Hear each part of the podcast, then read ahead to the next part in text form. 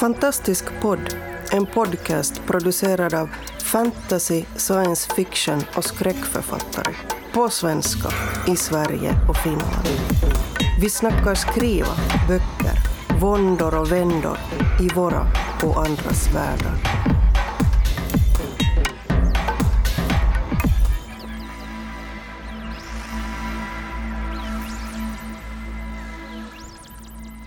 Välkomna till Fantastisk podd. Det här är Västkustgruppen som pratar och eh, jag heter Marcus Olausson.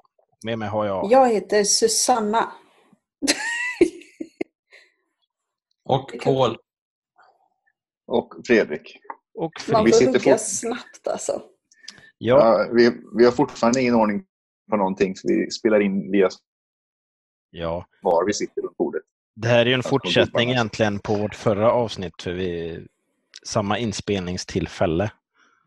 Vi tänkte fortsätta hålla oss lite dagsaktuella och prata om samhällsföreteelser och hur eh, det påverkar fantastiken och kanske hur fantastiken påverkar vardagen till slut. Vi får se vad vi landar i.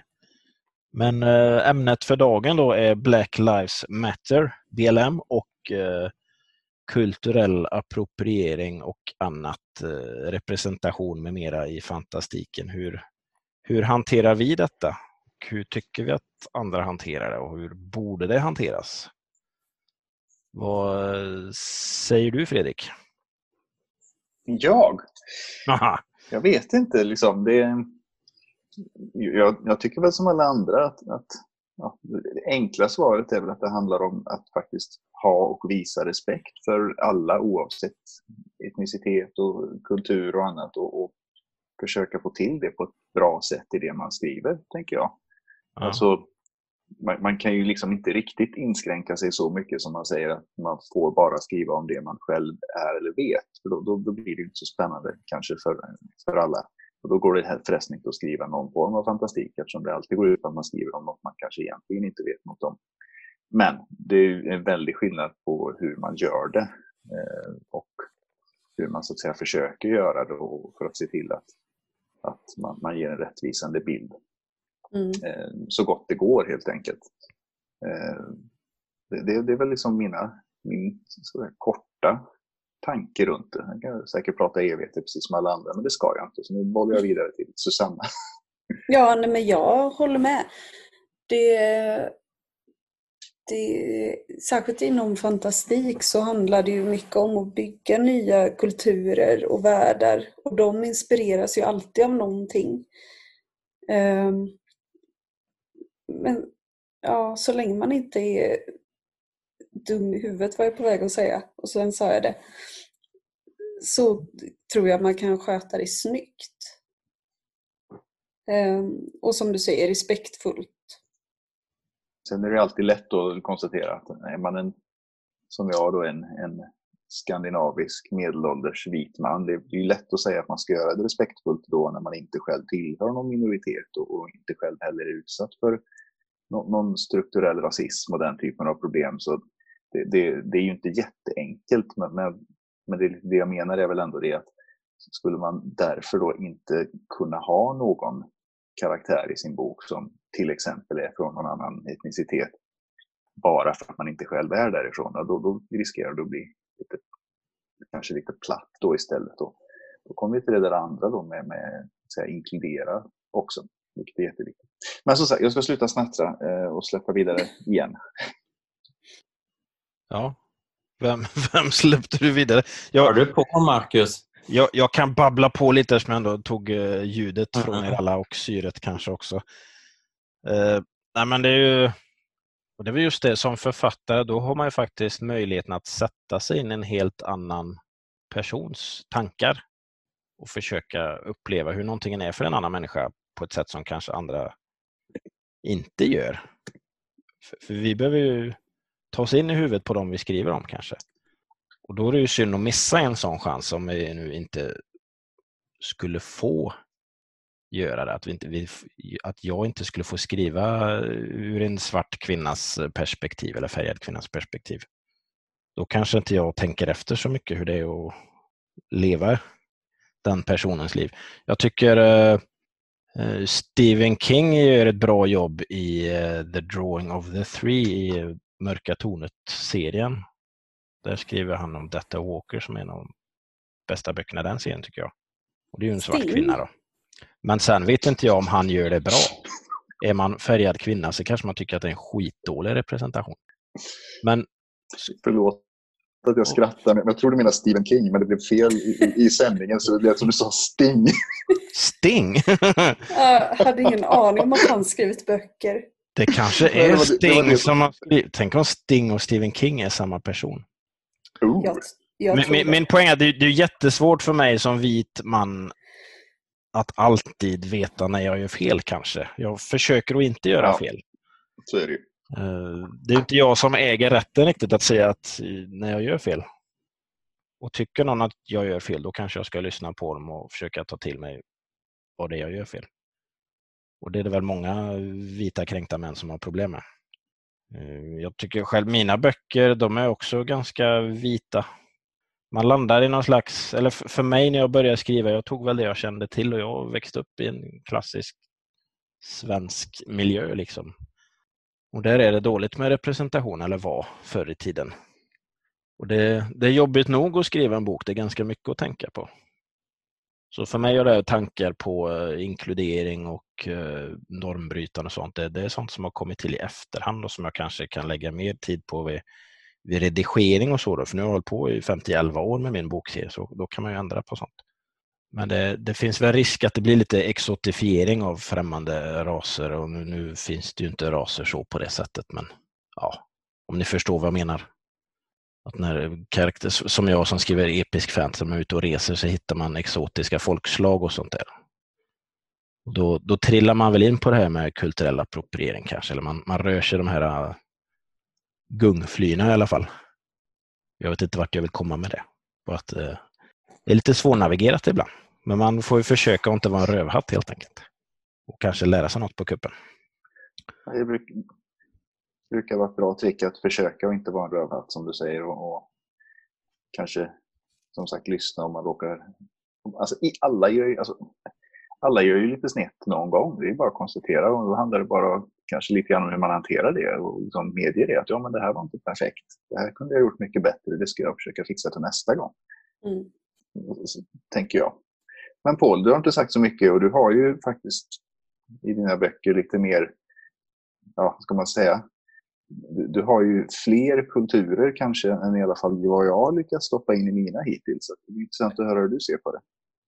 Eh, Jag kan rekommendera, om man vill läsa någonting om det här i ämnet, så finns det en uh, essä av uh, Sadie Smith som heter Fascinated, Fascinated to Presume in Defense of Fiction eh, som har publicerats på The New York Review of Books. Där hon skriver just om det här och hon, hon är väl mer inne på att man kan inte skriva utan att appropriera helt enkelt. Det går inte. Nej. Så, så är det med det. Men eh, sen så håller jag ju med er andra, liksom att man, eh, ja, man kan ju lära sig att man ska liksom vara lite, liksom, undersöka och, och liksom ha någon slags respekt för saker och ting och liksom så.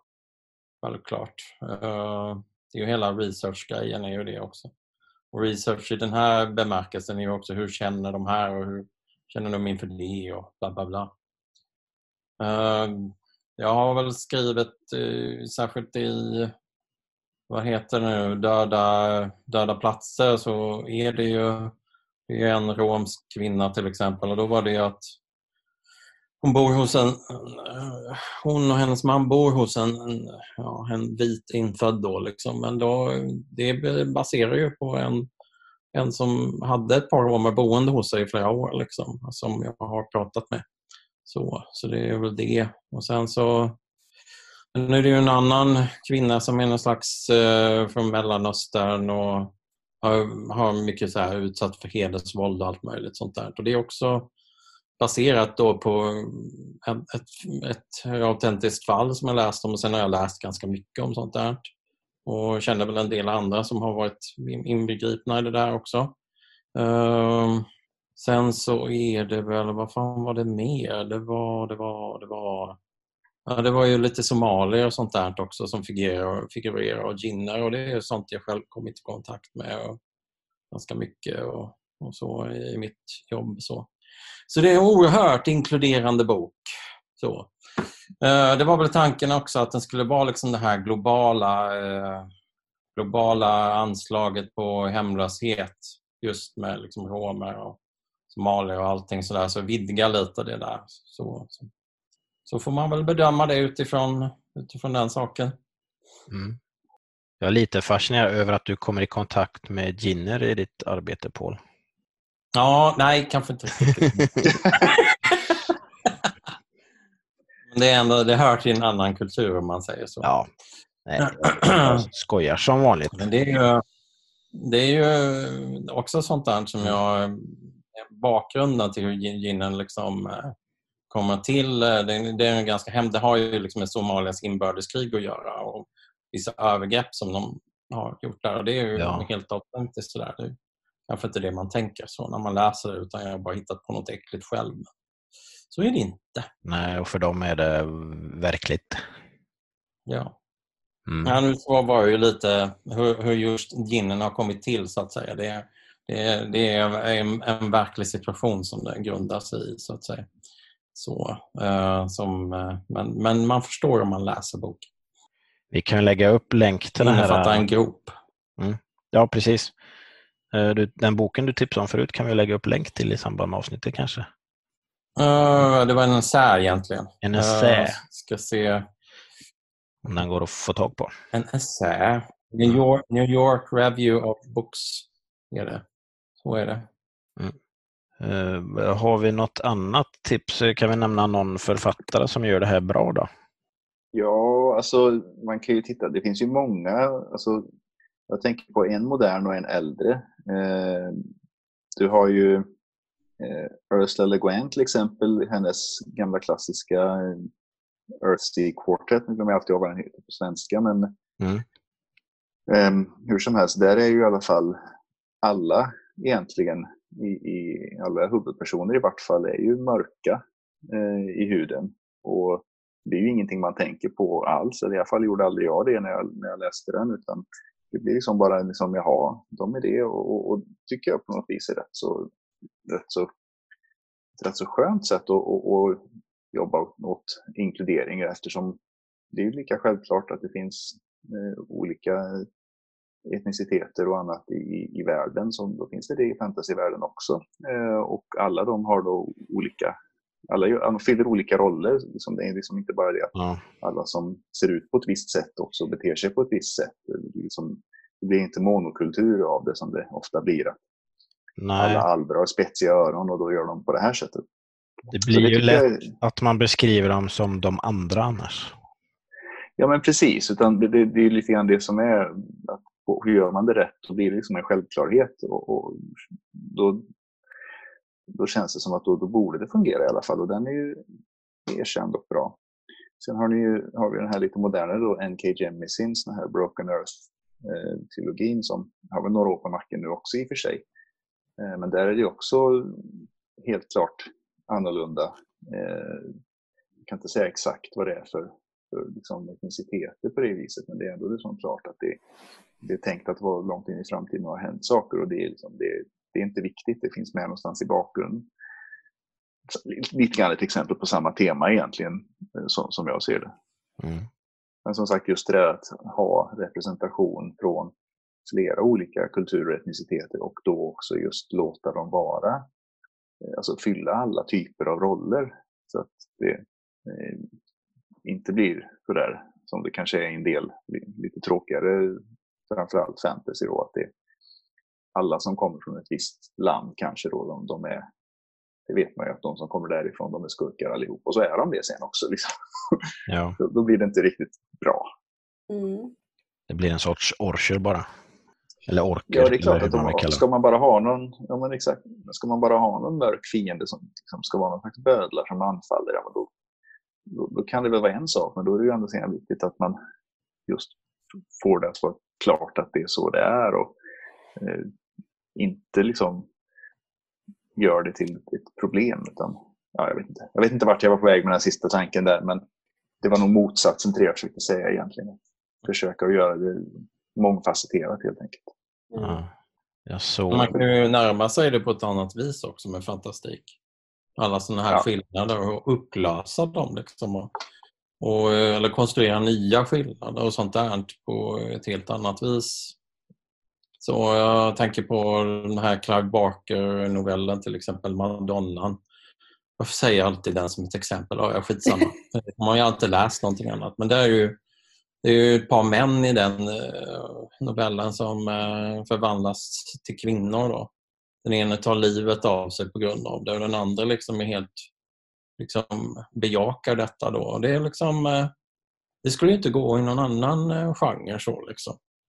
Det är ju liksom, eh, det är en slags upplösning där och där ett utforskande av våra roller och hur vi skulle kunna reagera på det och sånt. Mm. Det har du ju även med i science fiction med androider och artificiella Ja, intelligenser och sånt när de blir självmedvetna. Där kan man ju leka ganska mycket med identitet och kön och rubbet. Det är ju ganska spännande som författare. Den här som kom för ett tag sedan, det- är någon trilogi men jag har bara läst den första. Det är en, handlar om ett rymdskepp egentligen och så är det liksom eh, den, den var väl, väldigt så upp... Ni känner nog igen den sen men jag kommer inte ihåg vad den heter nu. Eh, Det handlar om ett rymdskepp och den har, kan sända ut liksom sina egna, ja, typ androider då liksom också. Så, att säga. Ja. så den är flera personer på en gång. Känner ni igen det där? Ancillary Det Justice. Ancillary Justice. ah, just det. Just det. Mm. Det är väl så här typiskt. Liksom. Det är och Android och sen så är de flera på en gång. Är det en man eller kvinna? Nej, den är liksom inte egentligen någonting. eh, Eller den är bortom det på något vis. Liksom. Och, ja, Mm. ja. Men hon, hon skriver ju det, Ann Leckie, i de böckerna. Hon, hon tilltalar ju alla, oavsett om de är män eller kvinnor, som om de vore kvinnor. Alltså, det är her och she hela tiden. ja. Eh, så man vet liksom aldrig riktigt vilka som är män och kvinnor. Nej, precis. Och, ja, ja, alltså, just den varianten är både lite, tycker jag, då, både lite, li- jag kan väl medge, jag tycker den är lite småjobbig samtidigt som jag tycker den är helt eh, genial. För att i de sammanhangen, alltså inte för att spela någon roll vilka som är män och kvinnor, men, men ibland så liksom försöker man liksom förstå, förstå sig på, menar författaren att det här ska vara en, så att säga, en, en man eller en kvinna? Men man får liksom aldrig svar på det, så att man, man får liksom jobba lite med sig själv när man läser den. Mm. Första boken tycker jag var jättebra. Eh, andra var väl kanske inte riktigt lika spännande, men det tog sig på slutet, så att, eh, jag gillar den. Då är det ju kul. Ja, Då är det ju kul att göra det också när man inte använder något sånt. Det är väl, om vi ska liksom röra om i det getingboet då, så är väl svenska ordet hen ganska bra. Eh, när man inte behöver liksom använda något genusladdat pronomen alls. nej. Så här funkar Mm. inte det i alla På lägen. engelska använder de väl they som eh, motsvarighet? Vad sa du Susanna? Det blev dubbel. Eh, att de använder they, THY, som hen på engelska. Det kanske man gör, jag vet faktiskt inte. Mm. Mycket möjligt. Nu, när vi ändå är inne på britter så såg jag J.K. Rowling har varit i lite blåsväder. Hon har gått ut och Alltså? Uttalat sig transfobiskt. Nej men, Där har vi också JK. eh, representation och sånt. Då. Och det är ju synd en sån, Ja, för det är också liksom om man nu ska... Ja. en sån eh, stor och framgångsrik författare som påverkar många mm. då tar avstånd. Kan tänka mig hon har ganska många som ser För upp det till kan man ju tycka lite grann att de...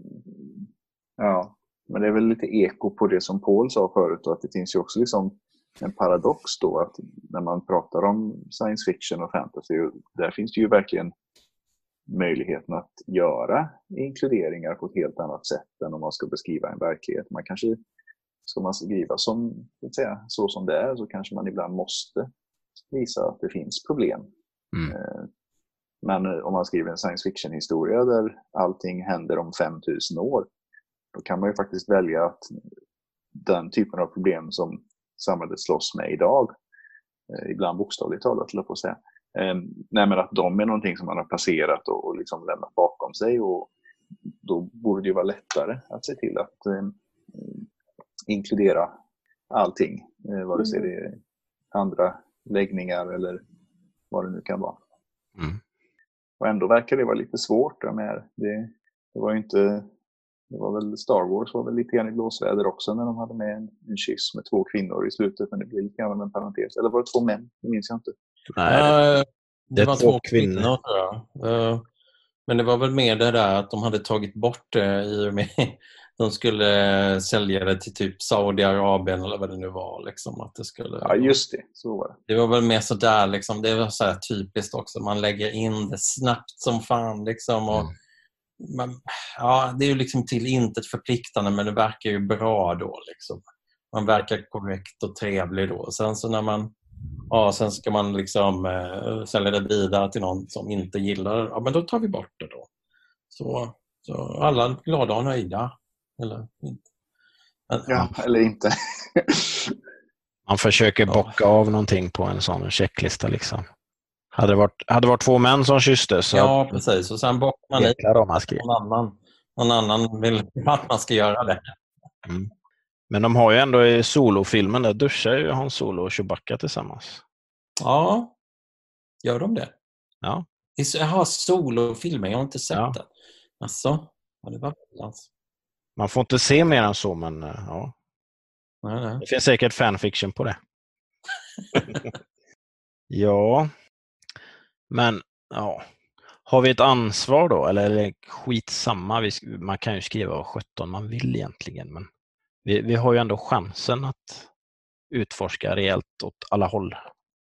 Ja, det tycker jag väl att ja, ansvar, ja men det har man väl sådär. Liksom. Men måste ju komma fram till, liksom, kan jag stå för det här, tycker jag. Liksom. Ja. Hur, hur reagerar, hur, vad ska jag säga om någon börjar fråga här? Uh, och då säger man, då, då får man liksom stå för det. Liksom. Sen tycker jag om man liksom är nyfiken och lite ödmjuk och liksom verkligen lägger sig vinn om att nu ska jag undersöka det här som är ganska obekant för mig. Liksom. Och så, då kan det väl gå bra. Liksom. Ja. Så. Jag tänker för, för att knyta tillbaka till det här med Black Lives Matter. Då, liksom, att efter, efter så lång tid har man inte kommit längre än så här hur, hur kan vi bidra egentligen till att förbättra läget? För det måste ju gå. Och är, är det nu det händer eller blir det bara en parentes igen? Vi får hoppas att det inte blir en parentes igen. Det vore väl tragiskt med tanke på så att, säga, att det finns en möjlighet kanske att driva det framåt i rätt riktning. Mm. Men jag ser väl lite som Paul där också att det, det är klart att man har ju såklart ett ansvar för, för allt man gör i någon mening. Och, och Sen är det klart, man får ju titta lite grann på vad man skriver också och vad man vill utforska och stå för det sen och hur mycket fokus man, man lägger på olika typer av samhällsfrågor. Mm. Eh, men vill man skriva en, en bok som ifrågasätter, eh, som du säger då till exempel, att har vi inte kommit längre än så här genom att illustrera det på, på, på något lämpligt sätt. Det är klart, då ska man ju se till att göra det rätt. Eh, skriver man bara en liksom en dussindeckare så ja, det är klart, då ska man ju liksom inte göra fel där heller och liksom ta in en massa saker som man kan stå för. Men det, det är kanske frågan om hur mycket politiskt ställningstagande som finns inbyggt i, i det man skriver. Eh, mm. Det är lite man, väl, man väljer lite grann hur långt man ger sig ut och därmed också vilket ansvar man, man tar. Men, men det enda som väl är givet är att det kanske är dags att se till att ta ansvar i så mått att det man skriver i vart fall inte rör sig åt fel håll. Eh, det, den, den saken är väl ganska given. Ja. Eller vad säger du Susanne? Nej, jag håller med. Det är, självklart ska man väl skriva vad, vad man känner att man vill skriva. Men man behöver ju inte eh, förvärra läget genom att eh, framställa andra kulturer och människor från dem på ett dåligt sätt. Utan kanske snarare försöka eh, hjälpa till och påverka folk på något sätt. Om ni förstår vad jag menar. Mm. Fast samtidigt är inte på något dåligt sätt. Där kan man ju, ja, eh, alla har ju rätt att vara dåliga om man säger så att säga. Det blir liksom något omvänt om man eh, om alla som typ är från en viss kultur ska skildras snällt eller någonting sånt där. Ja, men det var snarare att alla från en viss kultur inte ska skildras dåligt. Ja. Och jag vill lite grann tillbaka till det här med att det ska vara mångfacetterat i, i så fall. Att Ja, klart att kan- man ha en skurk som kommer från en viss kultur så kan man ha en hjälte som kommer från den kulturen också. Och man kan ha någon som är lite mittemellan och sådär så att man Mm. ser att det finns hela spektrat. ja, Eh, Då känner, tycker väl i alla fall jag att man har försökt visa hänsyn till det och inte liksom bara välja en sida. ja. Och sen har vi det här, jag vet inte, jag tänkte på det en stund, men är det någon som har funderat på det här med, jag vet inte vad det kallas på svenska, men de pratar en hel del om såna sensitivity readers, alltså att tar in, tar in läsare som finns i, alltså under författarprocessen, att man låter personer som kommer ifrån de kulturerna man försöker skildra läsa manuset och, och liksom fånga upp då, i vart fall de värsta grodorna kan man väl hoppas. Mm. Eh, är det något ni har funderat över? Det har jag faktiskt i min barnbok jag skriver nu, men eh, den ligger ju så jäkla på is hela tiden. Så det, men den handlar ju om en flicka från eh, Syrien då, Eh, även om inte det uttalas i boken så är det Syrien jag tänkt mig som flyr från inbördeskrig och hamnar i Sverige och så här. Och då har jag en för detta kollega till mig som kommer från Syrien då, som får läsa och komma med synpunkter så man får med uttryck rätt och rätt känsla och så här, då. Tankar och sånt.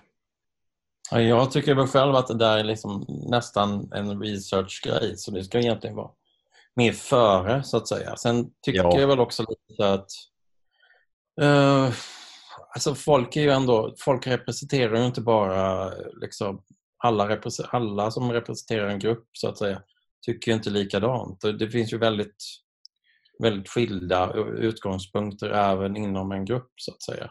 Mm. Så, eh, men alltså någon som på något sätt om man vill ha, liksom, vara säker på att man känner någon som passar in och kan läsa så det är väl eh, det kan väl vara.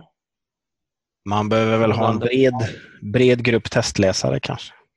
Och det handlar väl inte bara om kulturell appropriering och sånt utan det ska man väl alltid, kan man väl alltid ha nytta av.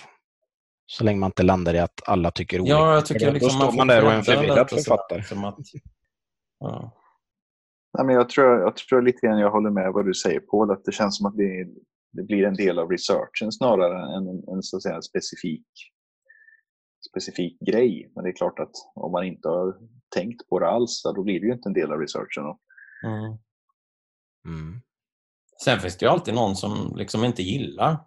Alltså det är inte så något, något konstigt att någon inte skulle gilla liksom, det man skriver. Men å andra sidan, ja, så där dyker det ju alltid upp. Man kan ju inte garantera liksom någonting på det viset heller. Nej, så är det ju. Liksom. Det, man får utgå från att en eller annan kommer inte tycka att det man skrivit är bra. Det, så är det ju. Man kan ju ta det här, Athena Farrokhzad och eh, Yahya Hassan. Eh, där Athena tyckte att Yahya Hassan kunde inte skriva, han borde inte skriva om det han skrev om. Eh, för att det satte hela gruppen liksom i... Eh, då, då, ställde han till problem för alla. Han tyckte ju bara det där var skit. Liksom. Så, ja, de var ju båda liksom... Han, eh, Hassan är ju mm, palestinier och Athena är väl från typ Iran. Så... Det, ja. Det är kanske är bra att vara en obekväm jävel som går på tvären så får man mycket gratis marknadsföring. Ja, Ja, precis. Frågan är om det är den marknadsföring man vill ha. Bara. Nej, det är ju ett aktivt val i så fall då. Vara en skitstövel och bad boy. Eller bad girl för den delen. Eller bad hen. Zoom-tystnaden talar. Jag tänkte Jag undrar om folk var tysta eller om det helt enkelt inte hördes. Vi får mer tysta tankepauser när vi inte ser varandra. Ja. Ja, ja, det blir lite så. Eh, Ja, den här respekten av att inte vilja avbryta varandra gör ju också att man börjar liksom inte prata förrän man är säker på att det inte är någon annan som vill det. Mm. Ja, jag var faktiskt ett sånt där eh, Skype. Eh, Jag var faktiskt med i någon poddinspelning ganska nyligen med en annan som kommer någon gång i höst. Så där, det var Skype-varianten vi använde. Jag tror faktiskt jag avbröt lite. Jag, jag är lite orolig för att jag avbröt för mycket där. nämligen. Jag brukar inte vara, behöva vara orolig. nej. De sa ingenting om det efteråt i alla fall. Vi hade ganska roligt. Men då var det nog okej. Ja, det får jag hoppas. jag kör mitt sidoprojekt ordbyting där och det, det blir lite lätt så här. Där är för att man kan klippa bort tankepauserna. Det, det kan vi göra här också. Men det, det är lite svårare när man inte ser varandra. Vi är ganska vana att tolka, tolka varandra. Ja. Det är mycket svårare med ljud och man får lagg och så här. Mm. Mm. Ska vi ha någon fin slutplädering här då? Susanna? Ska jag? Taskig bara kastar en Jag tycker, ja, jag tycker att man ska vara en snäll person och eh, inte dum i huvudet.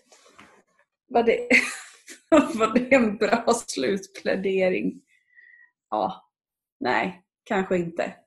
Jag vet inte om dum i huvudet något man aktivt kan välja, men eh, som sagt men man tidigare, kan ju var, inte försöka röv, att låta bli. Ja.